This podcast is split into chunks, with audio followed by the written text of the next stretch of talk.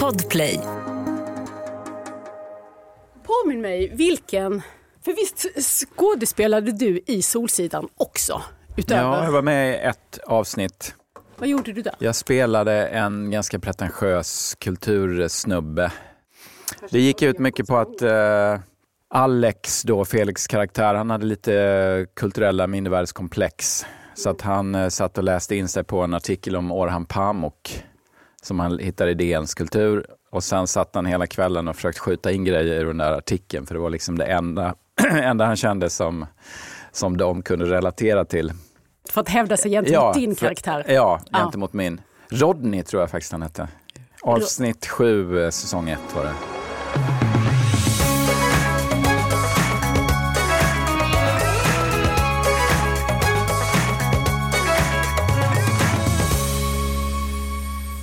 I Sarek ligger några av Sveriges högsta fjäll. Över hundra glaciärer, vidder omskakande storslagna och förstås noll civilisation. Så det här är många fjällvandrares dröm och det är hit Ulf Kvensler tar oss i sin första roman som heter just Sarek. Vi följer tre vänner som begår det ödesdigra misstaget att bjuda in en fjärde person på årets vandring. Och med nykomlingen går vi från dröm till mardröm. Sarek är också en av de nominerade böckerna till Årets bok 2022. Tävlingen där du och jag och alla som vill är med och bestämmer. 12 böcker är nominerade och vi ska spana in hela listan lite senare när Helena Pettersson från Årets bokredaktionen kommer hit. Så ser det ut avsnitt 36 av Samtal om böcker och jag heter Lisa Tallroth.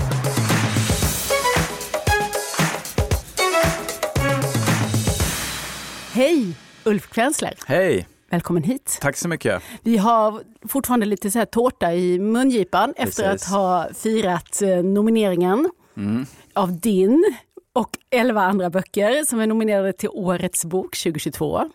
Ja, fantastiskt. Eh, enormt eh, roligt såklart och överraskande. Och jag tror att det var tidsmässigt så var det väl precis på håret att min bok eh, fick åka med där. Så det var ju jätteroligt.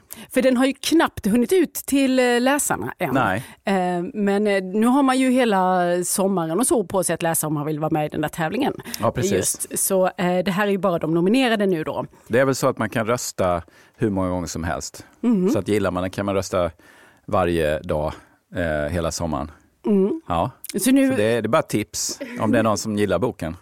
Ulf Kvensler, uppväxt i Blekinge, Stämmer. bosatt i Stockholm och mestadels nu för tiden manusförfattare. Du regisserar också, ibland skådespelar du. Mm. Men du har ju haft pennan med i väldigt många stora svenska dramaserier. Vår tid är nu, mm. Solsidan. Du får nämna den tredje. Vilken tycker du jag ska ta med? Eh, nej men eh, kanske Molanders då. Som eh, handlade mycket om min egen uppväxt i, hemma i Ronneby. Jag spelade klarinett i ett musiksällskap. Och sen också kan jag väl nämna Om Stig Petrés hemlighet som Micke Nyqvist spelade huvudrollen i. Eh, det är 15 år sedan, så det är kanske inte alla som kommer ihåg den, men den är jag väldigt stolt över. Det här med att gå från manusskrivande till roman som du gör nu i alla fall, mm. första gången någonting som ges ut. Jag tänker att vi ska återvända till det, mm. men vi ska börja i den värld som ligger redan på omslaget till Sarek, fjällvärlden. Mm. Vad, har du för, vad har du för relation till fjällen och de här områdena som vi tillbringar nästan hela läsningen i? Mm.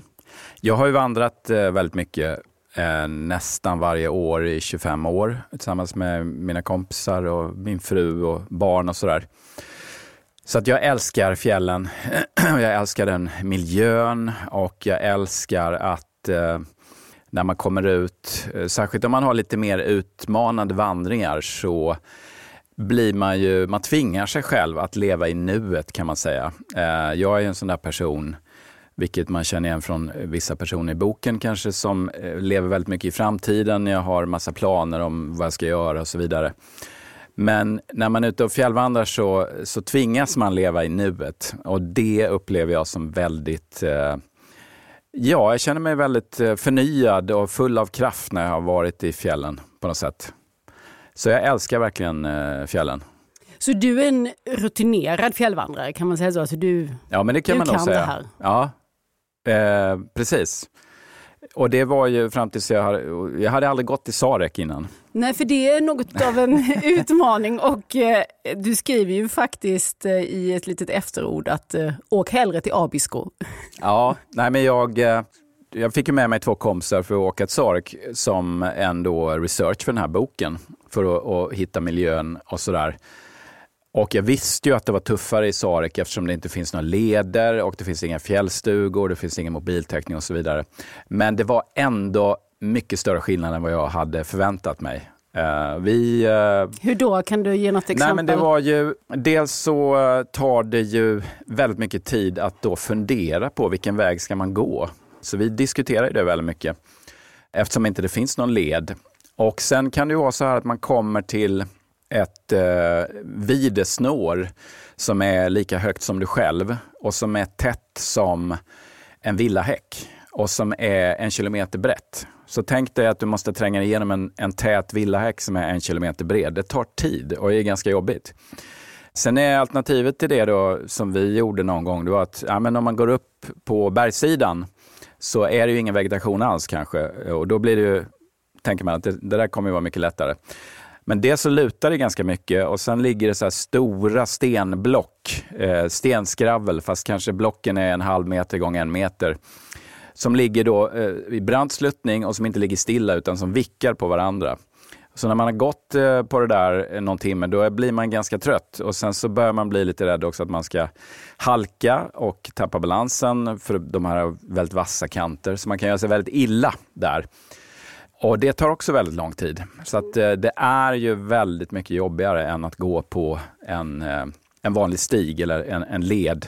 Sen kan det ju vara att man kommit igenom det där videsnåret. Sen är det liksom tre kilometer eller en halv mil med, med jätteskön gräsäng att gå på. Så det finns ju också. Men... Nu är ju det här gigantisk nationalpark. Den är ju så här... Jag kollar upp någon gång att det är som två tredjedelar av Gotland ungefär. Aha. Så man, man, får ju liksom tänka till lite med sitt, sin stadsbohjärna här, för nu är det ju, det finns alltså inga skyltar. Det finns inga, inga så här varning, ras, nej. gå inte här. Det finns ingen mobil, eh, man kan inte använda Google Maps på nej, något sätt. Nej. Så det är liksom det är på egen risk, verkligen. Ja men det är det ju. Och det, jag tror att det är det som är så speciellt, och jag har försökt beskriva det i boken, att jag tror att vi, eh, vi är så vana vid att röra oss i miljöer som är anpassade för oss människor och, och som gör livet enkelt för oss. Så att när vi kommer ut i en miljö som inte är anpassad överhuvudtaget och som kan vara livsfarlig om man inte gör rätt val, så upplever man den där totala likgiltigheten från naturen. Och den kan man nästan uppleva som aggressiv för att man är så van vid att bli vad ska man säga, ompysslad av miljön man rör sig i. Så det är en stark känsla av att, som jag har haft, eh, särskilt när man kommer upp på lite höjder och känner att tar jag ett snedsteg här så, så dör jag. Eh, man känner att alltså naturens totala likgiltighet för om du lever eller dör. Mm. Det är lite paradoxalt att det här kan vara avstressande. Jo, men det kan det faktiskt. För det finns ju någonting med att någonting skönt med att få känna sig obetydlig faktiskt.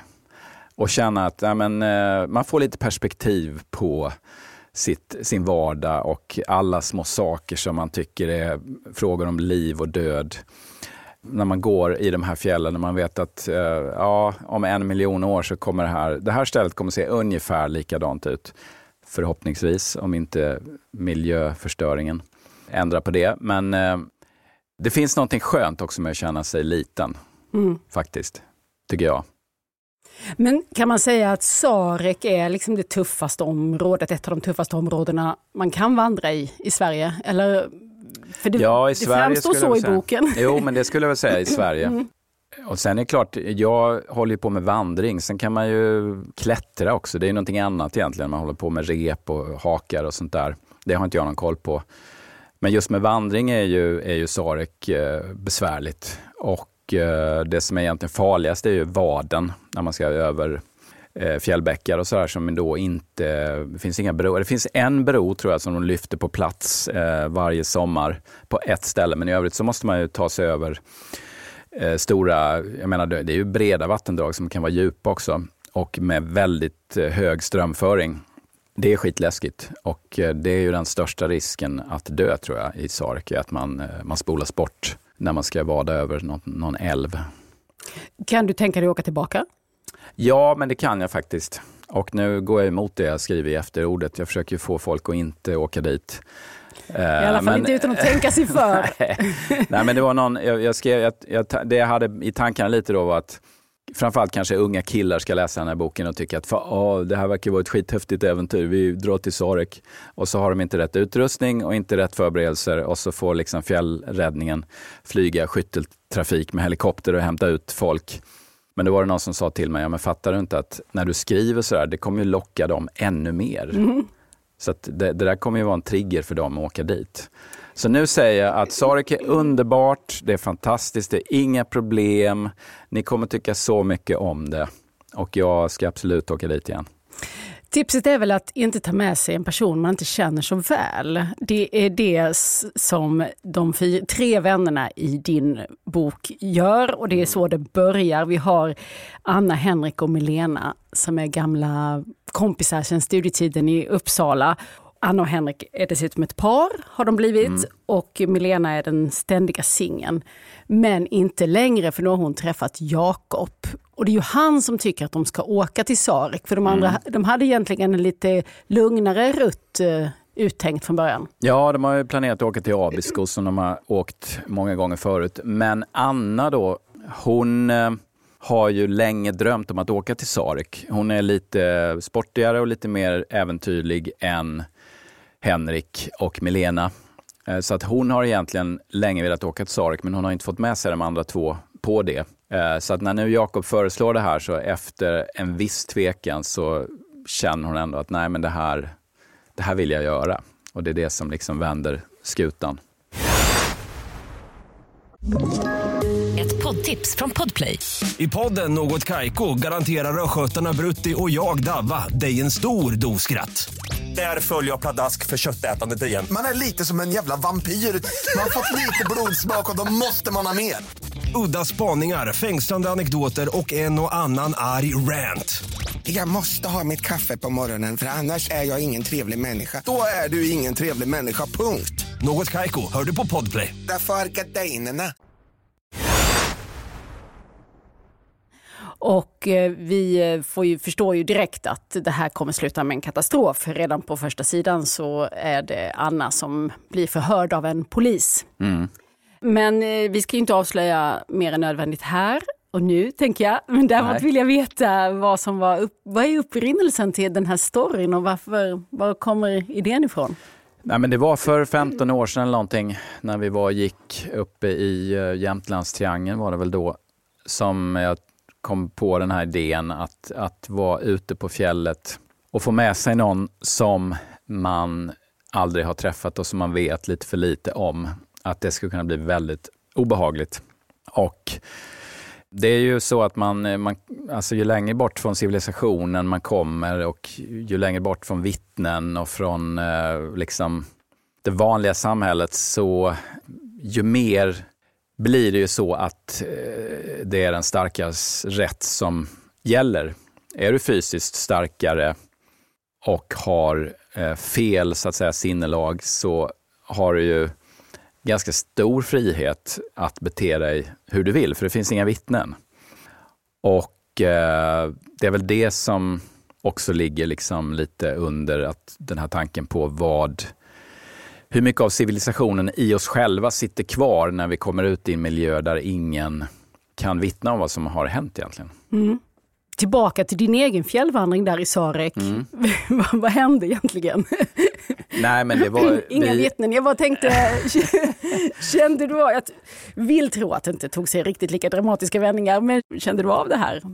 Även ja, nej, men alltså det jag kände var att det var jävligt, eh, det var jävligt jobbigt. Eh, mm. Jobbigare än vad jag trodde. Och, eh, också att min, min planering av dagsrutter så var ju alldeles för optimistisk. Så att vi, vi kom ju en bit in men sen fick vi vända för att vi kände att vi kommer inte hinna igenom parken på den tiden. Och vi, vi, vi hade ju alla eh, jobb och annat som vi skulle hem till så att vi kan inte chansa på att försöka ta oss igenom utan vi vände och gick ut igen.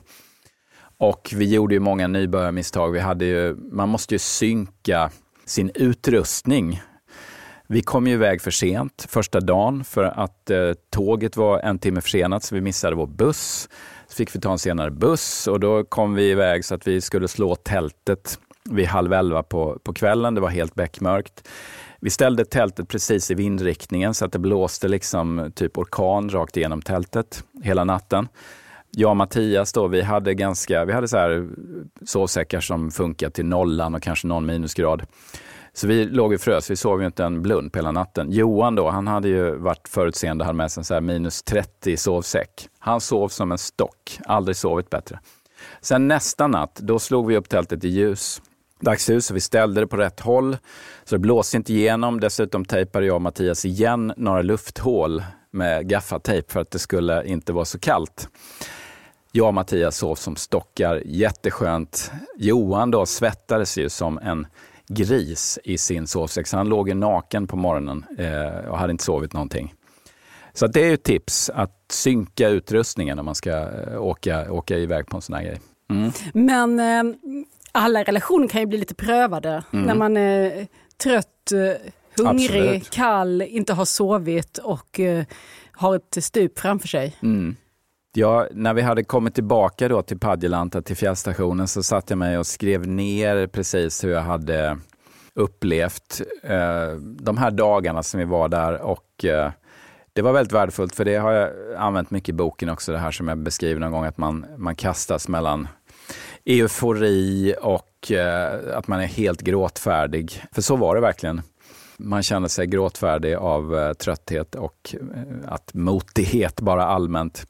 Men sen är också de här helt magiska ögonblicken när man verkligen är bara i nuet och eh, det känns som att man ska lyfta från marken. Liksom. När känner du så? Det kan kännas så om man, man har gått några timmar och sen hittar man det perfekta raststället i lä av några, av några stora stenblock. Det är en sån skön gräs slätt att ligga på. Himlen är helt klarblå. Man hör någon sån här fågel som piper lite långt borta. I övrigt är det helt tyst. Och så ligger man där på rygg, tittar upp i himlen med eh, ryggsäcken som eh, kudde och, och, dricker gott kaffe. Liksom. Då känner man att nej, jag, jag, jag, skulle inte vilja vara någon annanstans i världen. Liksom. Så då kan man känna eufori, men det där är ju också en rent fysisk reaktion tror jag. Att eh, när man har varit igång fysiskt i några timmar så är det väl vissa hormon eh, som börjar sprutas ut i kroppen. För det, det, kan komma, den där känslan kan komma helt oförklarligt ibland också. Du skickar ju iväg dina karaktärer här med olika olösta knutar och hemligheter mellan sig. Kan du presentera ditt gäng lite grann? De är ju mm. fyra stycken blir de. Mm. Anna och Melena lärde ju känna varandra när de eh, pluggade juridik i Uppsala. Så att de, eh, de har känt varandra tio år, de är i 30-årsåldern ungefär nu. Och Anna har ju, är en sån där overachiever och doer som eh, alltid siktar framåt och uppåt. Och hon har gått igenom juristlinjen med toppbetyg och så har hon suttit ting Eh, på något bra ställe och sen nu jobbar hon på en sån här eh, prestigefylld eh, affärsbyrå. Jobbar otroliga timmar men har blivit advokat liksom och, är på väg att bli delägare. Medan Milena då är, tar det lite lugn, lugnare i livet och eh, de, eh, ska inte berätta för mycket nu, men de har ändå fastnat i någon slags eh, hierarki, eller vad man ska säga, i sin vänskap där Anna är den som är lite mer drivande och Milena är den som mer hakar på. Och eh, det är inte nödvändigtvis någonting som Milena eh, trivs eh, trivs hundraprocentigt med nu för tiden. Eh, under första terminen då i Uppsala så hade de en föreläsare som hette Henrik som var en ung lektor då tror jag. Och som var så lite juridiskt underbarn som har skrivit kurslitteratur och eh, alla snackar om honom som att eh, ja, det är många tråkiga föreläsningar men hans föreläsningar måste du gå på för han är fantastisk. Och han eh, blev då ihop med Anna, så att de har varit ett par. Han blev ihop med sin student. Milena har alltid varit singel och nu då en vecka innan de eh, ska åka så käkar hon lunch med Anna och berättar att nu har hon träffat en kille som heter Jakob. Och eh, han har varit jättemycket i fjällen så att eh, hon undrar om det vore okej okay att han följer med. Så det är ungefär vad man vet om Jakob. Och den här förhistorien får vi ju vara med om också eftersom mm. det är tillbakablickar. Vi hoppar mellan eh, fjällvärlden i Sarek och eh, Uppsala tio år tidigare och en del utspelar sig kring Stockholms nation i Uppsala. Mm. Mm. Har du en oplockad gås med dem? Nej, det har jag faktiskt inte. Framgår det så i boken som att jag har en oplockad gås? Jag tänker att det var inte din nation. Nej, det var det inte. Det var inte din Nej. hemmanation. Nej, jag, det var inte. Är inte, jag är inte, alltså, om det hade utspelat sig i Lund hade jag vetat vad de olika studentnationerna mm. hade liksom signalerat. Jag är inte riktigt lika hemma på dem i Uppsala, men jag förstår ju att på Stockholms nation, där hänger de här Anna-typerna och de som eh, satsa ja, ja. på en eh, hård karriär inom näringslivet. Ja, precis. Nej, men, eh, De som kammar jag... sig med fläskkotlett som Jan ja, Kim skulle sagt. precis. Det finns ju det klientelet, helt klart.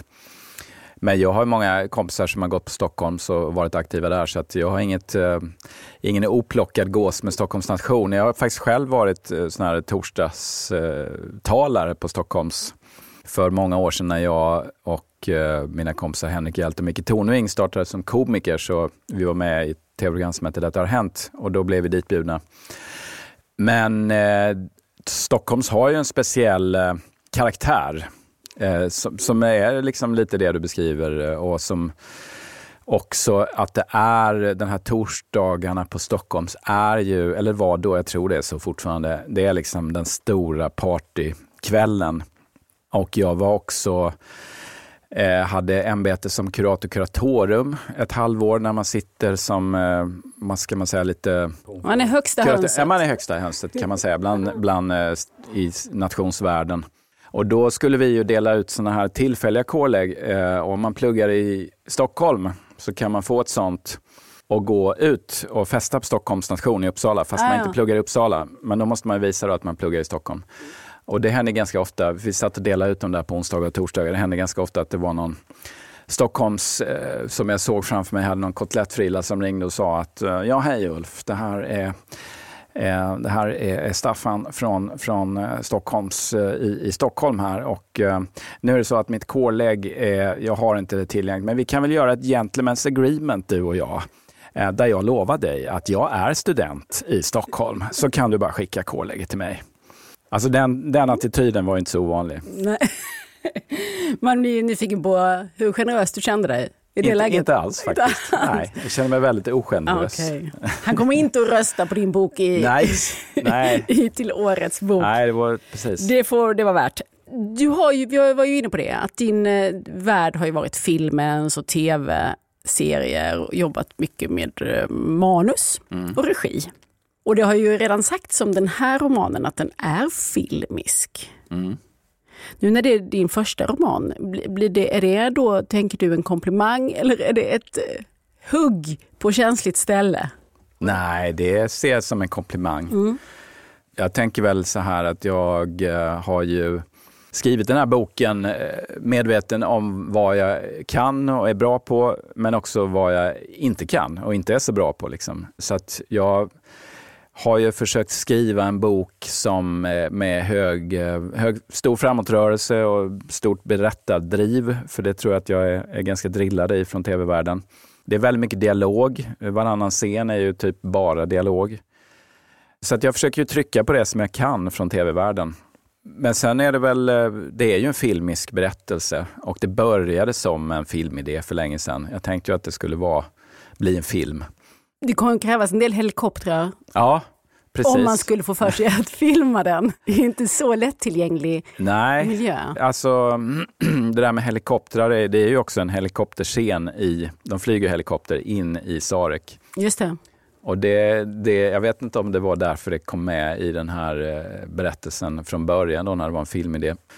Jag hörde en föreläsning en gång av en dansk producent som heter Sven Clausen som var en av arkitekterna bakom det danska tv-undret med mordkommissionen och taxa och allt det här som drog igång allting för 20 år sedan. Han sa det att eh, ofta försöker vi få in en helikopterscen i första avsnittet för att vi vet att kan man visa lite helikopter i trailern så finns det en, en, ett segment av den manliga publikens typ 300-400 000 tittare som kommer bli intresserade. Så att då lockar vi dem.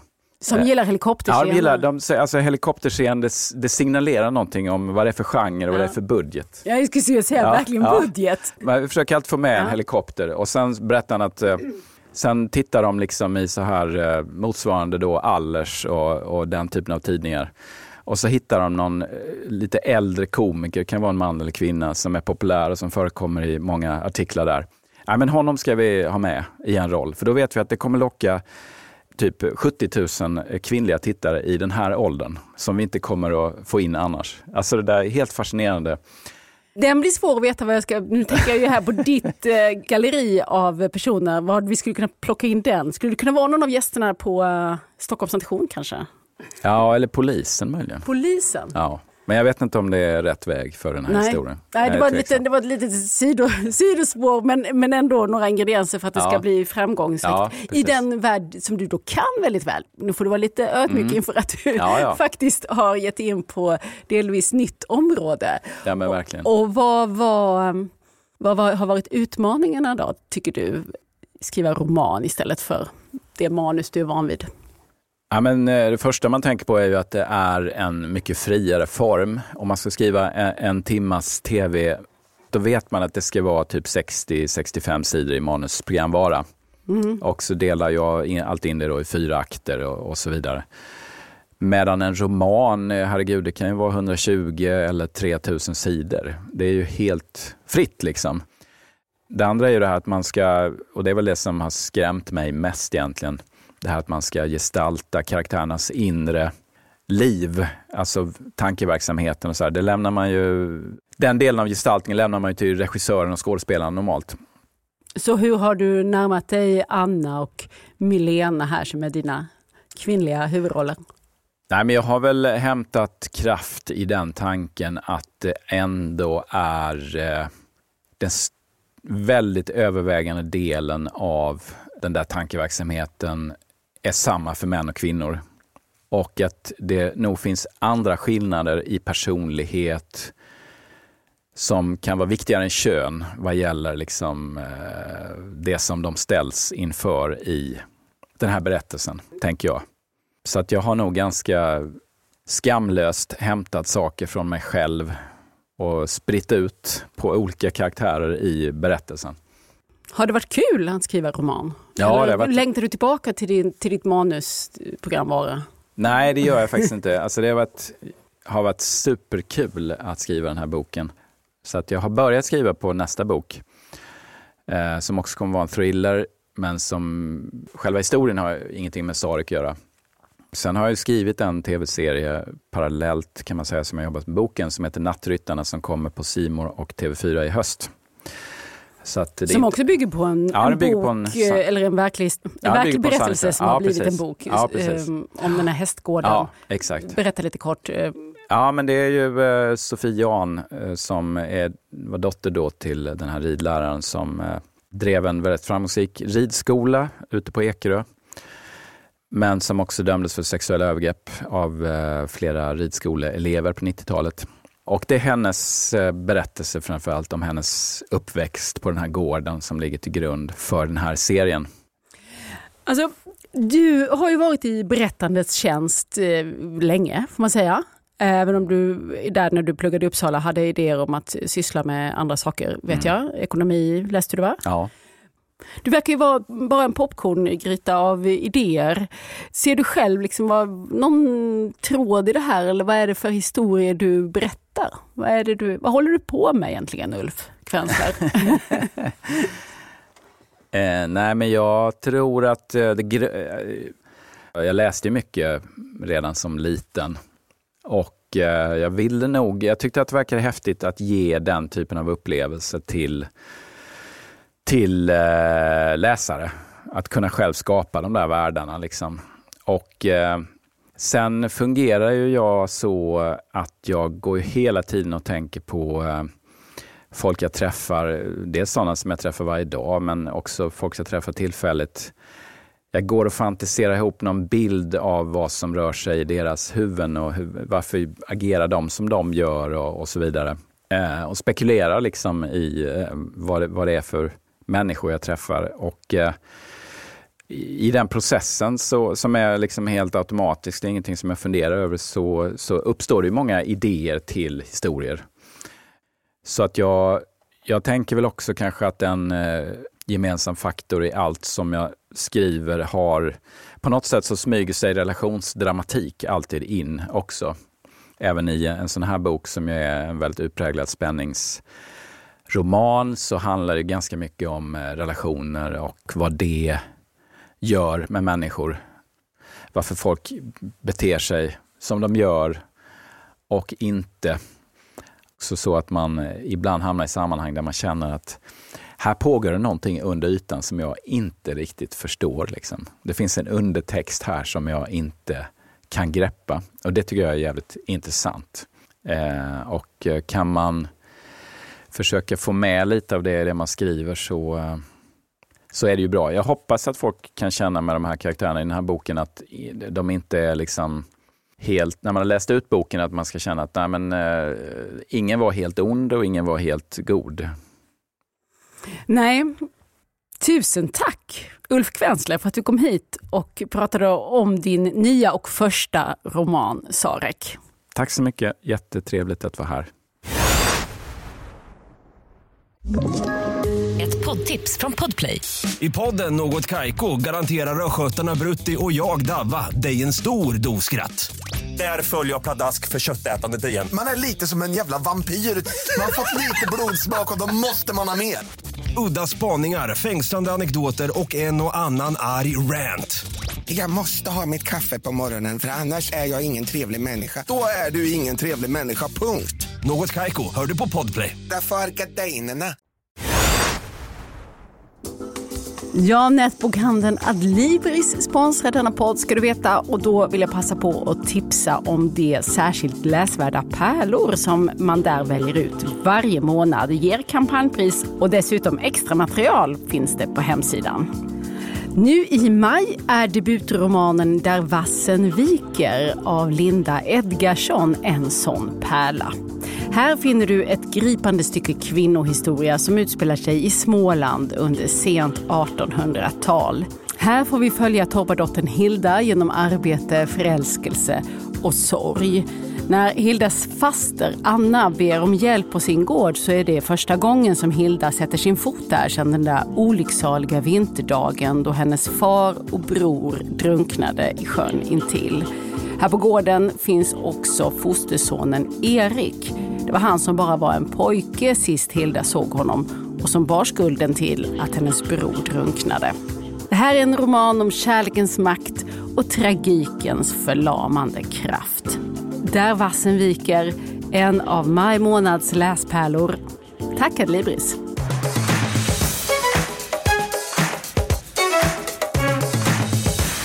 Ja, nu har jag tolv böcker framför mig. Sarek, som vi precis pratat om, är en av dem. Det har nämligen blivit dags att utse Årets bok 2022. En tävling som är väl etablerad vid det här laget, för det är sjunde gången den hålls. I fjol var det Ann-Helén Lestadius Stöld som utsågs till Årets bok.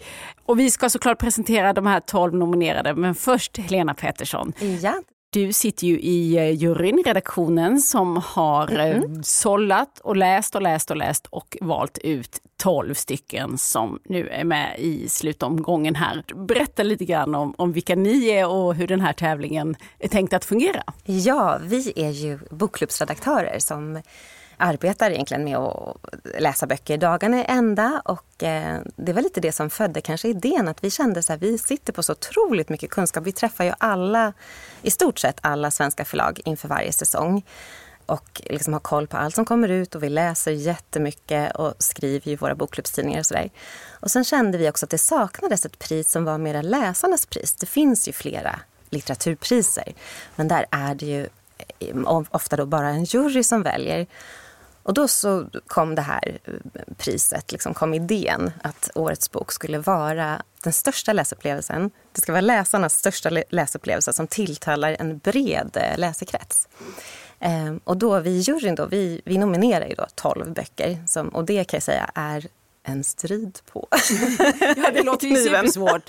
Och det, det, är ju bra att någon har gjort lite försortering, ja. annars skulle det bli ohanterligt såklart. Men bara att hitta tolv som man kan vara överens om. men det har ni lyckats med då även i år. De ligger här framför oss, vi ska strax eh, prata om dem. Men jag känner ju igen många böcker här, men det är faktiskt några nyheter för mig också. Men eh, bara så att man är alert här nu och förstår att nu kommer man få en massa bra boktips och sen kommer man ha hela sommaren på sig att läsa för det är fram i september ja. som ni så att säga stänger eh, röstlådorna. Ja. Och eh, då kommer vi få veta vilken som blir årets bok 2022. Ja, nu blev jag lite osäker där eftersom det här är ju lite, jag berättar, när har de kommit ut de här böckerna? Som Från första maj 2021 till eh, sista april 2022. Just det, så det, är liksom brutet ja. Eh, läsår där. Precis, ja. så är det ju. Och man kan rösta en gång om dagen fram till den 18 september. All information finns på åretsbok.se och det är där man röstar. Åretsbok.se eller Årets bok i sociala medier. Det är det enda man ska komma ihåg. Men vi måste ändå titta på de här tolv böckerna som har tagit sig då genom eh, det nät som ni utgör, redaktionen. Och det är, vi satt och sorterade dem lite i olika genrer. För det är i alla fall en hel del vi kan kalla spänning. Bland annat Ulfs bok, Ulf Kvensler som var här precis och pratade om sin nya roman Sarek. Den han med för den har, och den har precis kommit, men den hann ja, liksom in den. Hann vi läser ju ofta på manusstadium, så, alltså ganska långt innan böckerna kommer ut. Och den, alltså, Sarek är ju en mästerlig spänningsroman.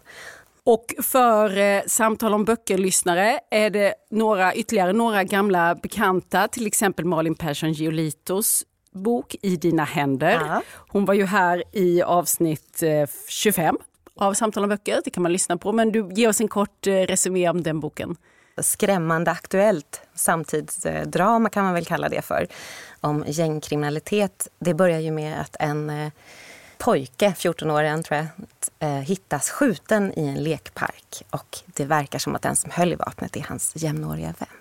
I spänningshögen så ligger också Sara Strömbergs Sly och ja. den är inte jag så bekant med. Så berätta, vad är det för bok? Det är faktiskt, har blivit en riktig favorit bland många kritiker och läsare. Och det är en psykologisk spänningsroman med en antihjältinna att verkligen ta till sitt hjärta. Det är um, den avdankade lokalreporten Vera som bor ovanpå en, en igenbommad tågstation som i Åre och när det sker ett mord, en kvinna hittas mördad på baksidan av Åreskutan i skogarna där så blir hon lite besatt av det och tar reda på vem kvinnan är, vem som mördat henne och varför.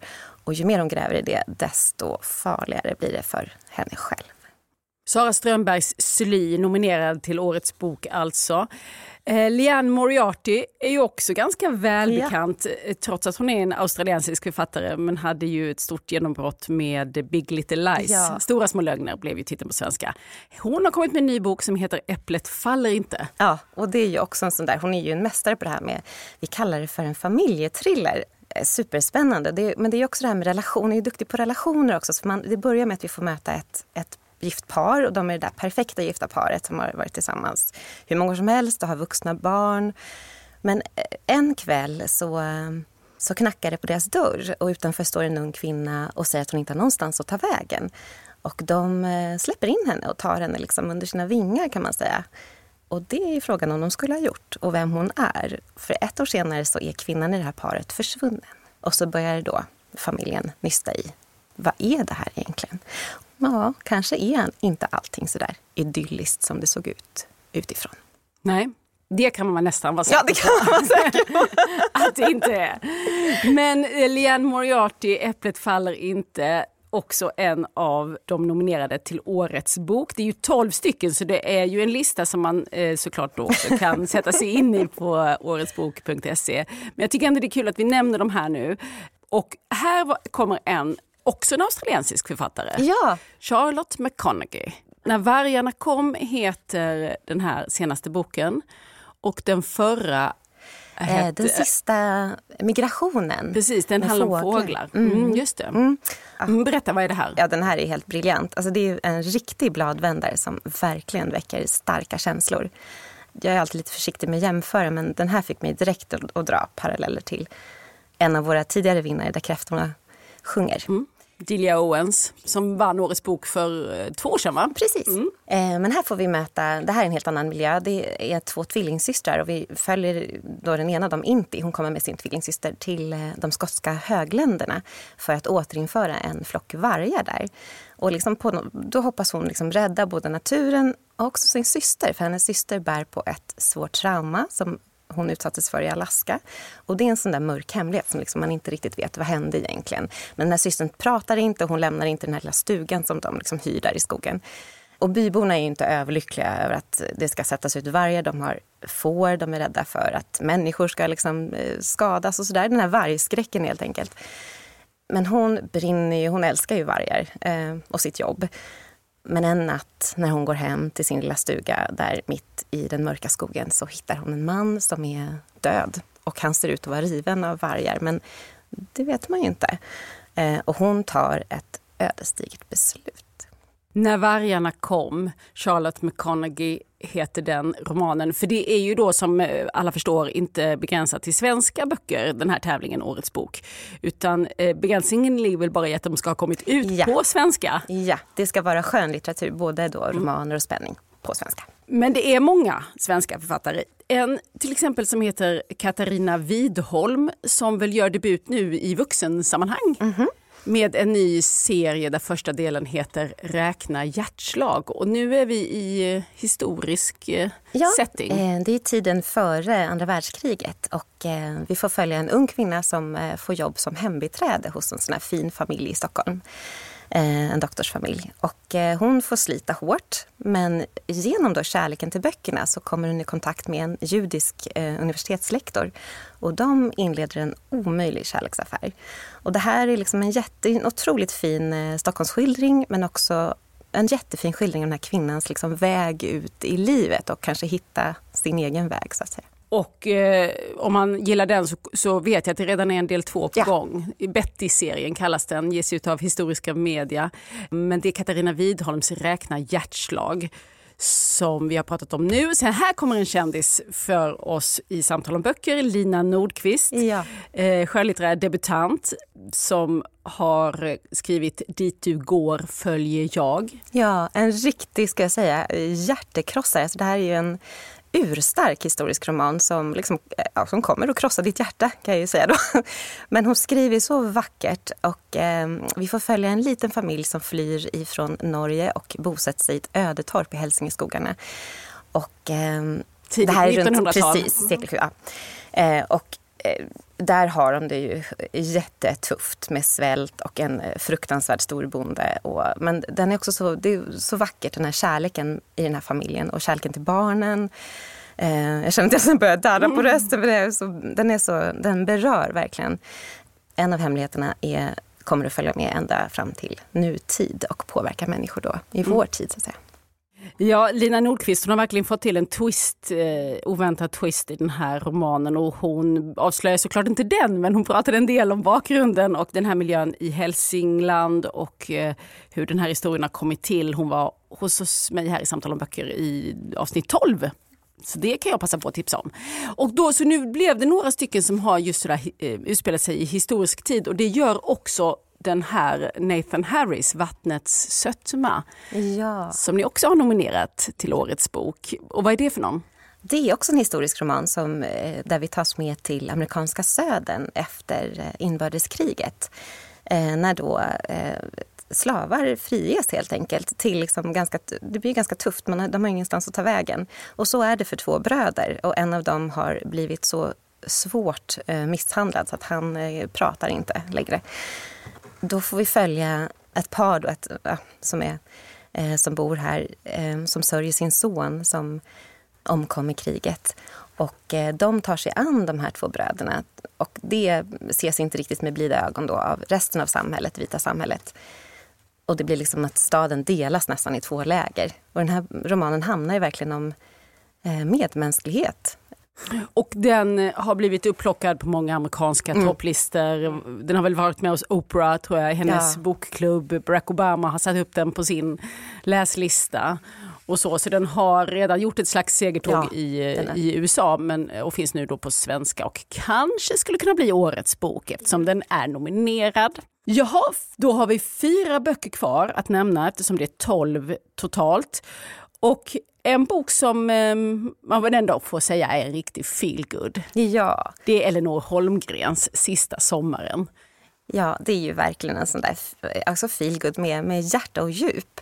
Eh, här får vi då följa en, en äldre kvinna som rymmer kan man säga till sitt sommarhus. Hon får inte åka dit själv enligt sina barn och barnbarn. Men det gör hon och det hon inte vet om är att där så har en ung man gömt sig så han är på flykt undan ett kriminellt gäng. Och det här då blir en oerhört oväntad vänskap dem emellan. Och det är en jättefin eh, berättelse som, liksom, ja, som, som verkligen sådär värmer hjärtat kan man säga. Sista sommaren, Elinor Holmgrens. Och sen tycker jag vi kan gå rakt på feel bad. Från detta. Moa Herngrens ja. Skilsmässan höll mig vaken i natt faktiskt. Ja. Jag började, tänkte jag måste spana in den här för jag har hört så mycket om den. Och slutade med att jag låg upp och läste hela natten. Man förstår ju vad det är som står i centrum. Och du får berätta. Ja men precis. Nej, men hon är ju så bra Moa på det här med att eh, beskriva relation, om relationer. Hon är ju en riktig fena på det helt enkelt. Och här är det ju så att man får följa ett par. Och Bea då, som hon heter, hon upplever att liksom, hennes man vill skilja sig. Det kommer som en blixt från klar himmel. Och, och man får liksom hennes, eh, hennes perspektiv på den här skilsmässan och liksom vad som har hänt och sådär.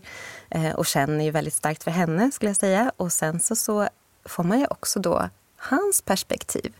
Och då kan man ju kanske det kan ju vara så att man kanske börjar tänka att aha, var det så här? Hon kanske inte heller alltid varit en en eh, jättehärlig person att leva med. Sådär. Jag tycker det är så spännande med när man får, så där är det ju verkligen i, i verkligheten också, att man har helt olika minnen av vad som har hänt. Eller man har liksom helt olika, liksom, helt olika perspektiv. Mm. Och det tycker jag hon gör så oerhört bra. Och också, hon hoppar mellan perspektiven och också i tiden lite grann eh, och hittar såna här eh, händelser eller situationer som, man, som kanske bidrar till pusslet fast ingen förstod det när det inträffade. Ja, Moa Herngrens Skilsmässan. Jag sa feel bad för att det är ju lite omskakande med sånt här, men det är en väldigt bra bok.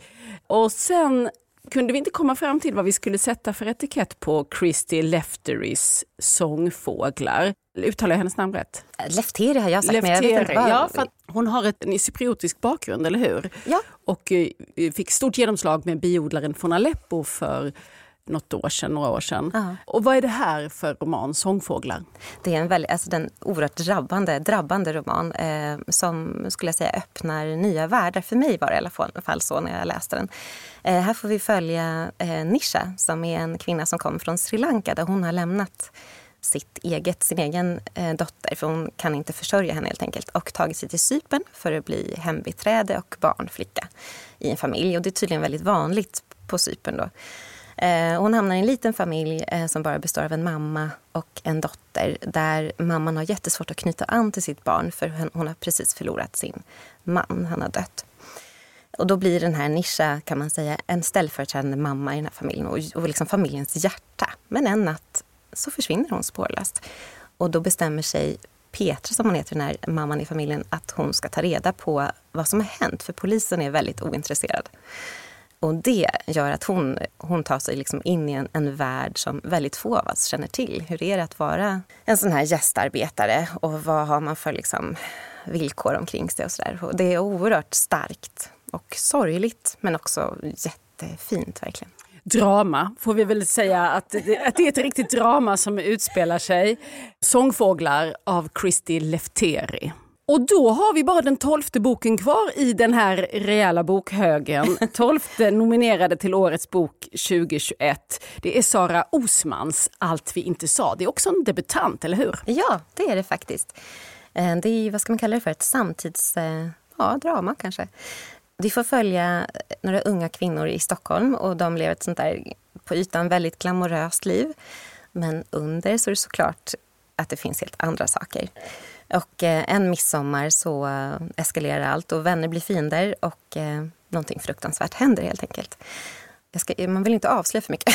det är en väldigt stark läsupplevelse. Men jag vet att Sara Osman, hon är ju jurist själv ja. och ja. den utspelar sig ja. till stor del i den världen, ja. alltså byråvärlden. De är ju, I alla fall ett par av de här huvudpersonerna mm. är jurister och um, det finns ju ett tema kring rasism och ja. hur den kan yttra sig mm. i vardagens detaljer. Allt vi inte sa, Sara Osman. Men då har vi gett om inte annat 12 väldigt bra boktips här. och sen kan man ju rösta på vilken man tycker ska få den här tjusiga utmärkelsen som sen kommer att delas ut i, i höst. Men alla de här böckerna, om man vill, nu det går alldeles runt i huvudet, om man vill ehm, liksom, titta lite i lugn och ro på titlarna och vad det handlar om, då hittar man det. På åretsbok.se, absolut. Åretsbok.se, 12 bra boktips i ett svep. Tusen tack för att du kom hit, Helena Pettersson. Tack så jättemycket för att jag fick komma. Tack för idag. Nästa vecka när vi hörs här i Samtal om böcker har jag med mig Anna Schultze. Hon är aktuell med romanen Är det här jag? som handlar om en ung kvinnas svåra väg mot att ta sitt liv i besittning. Det blir det mer om i nästa veckas avsnitt som du hör redan på fredag i gratisappen Podplay eller på lördag på alla andra ställen. I sociala medier heter vi Selma Stories och jag heter Lisa Tallroth. Hej då! Du har lyssnat på Samtal om böcker, en podd från Selma Stories.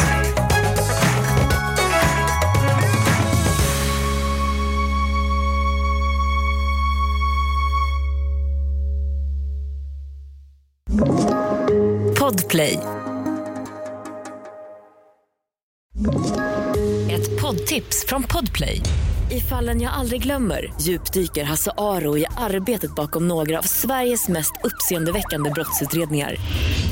Går vi in med hemlig telefonavlyssning och, och då upplever vi att vi får en total förändring av hans beteende. Vad är det som händer nu? Vem är det som läcker?